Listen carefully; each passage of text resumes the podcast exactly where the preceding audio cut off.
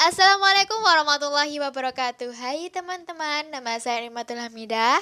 Selamat datang di podcast Media Bimbingan dan Konseling Islam. Di sini kita akan share dan sharing seputar tema Sex Education.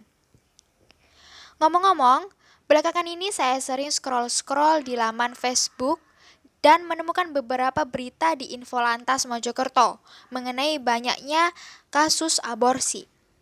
Korban dari masalah ini yaitu perempuan, Berbicara mengenai masalah ini, penting sekali kita menanamkan pendidikan sex education sejak dini agar nantinya mereka mampu menjaga dirinya, terlebih menjaga populasi perempuan agar tidak menjadi korban dari kenakalan remaja.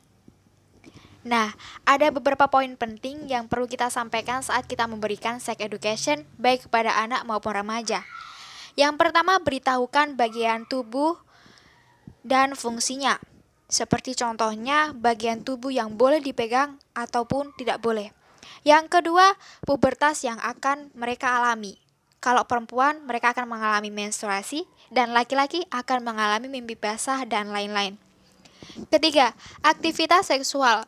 Aktivitas seksual ini bagaimana berperilaku dengan temannya, baik sejenis maupun lawan jenis. Dan yang keempat, kekerasan dan pelecehan seksual.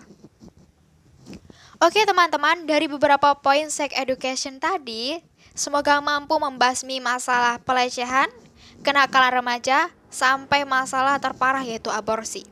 Saya Nikmatul Hamidah, pamit undur diri. Wassalamualaikum warahmatullahi wabarakatuh.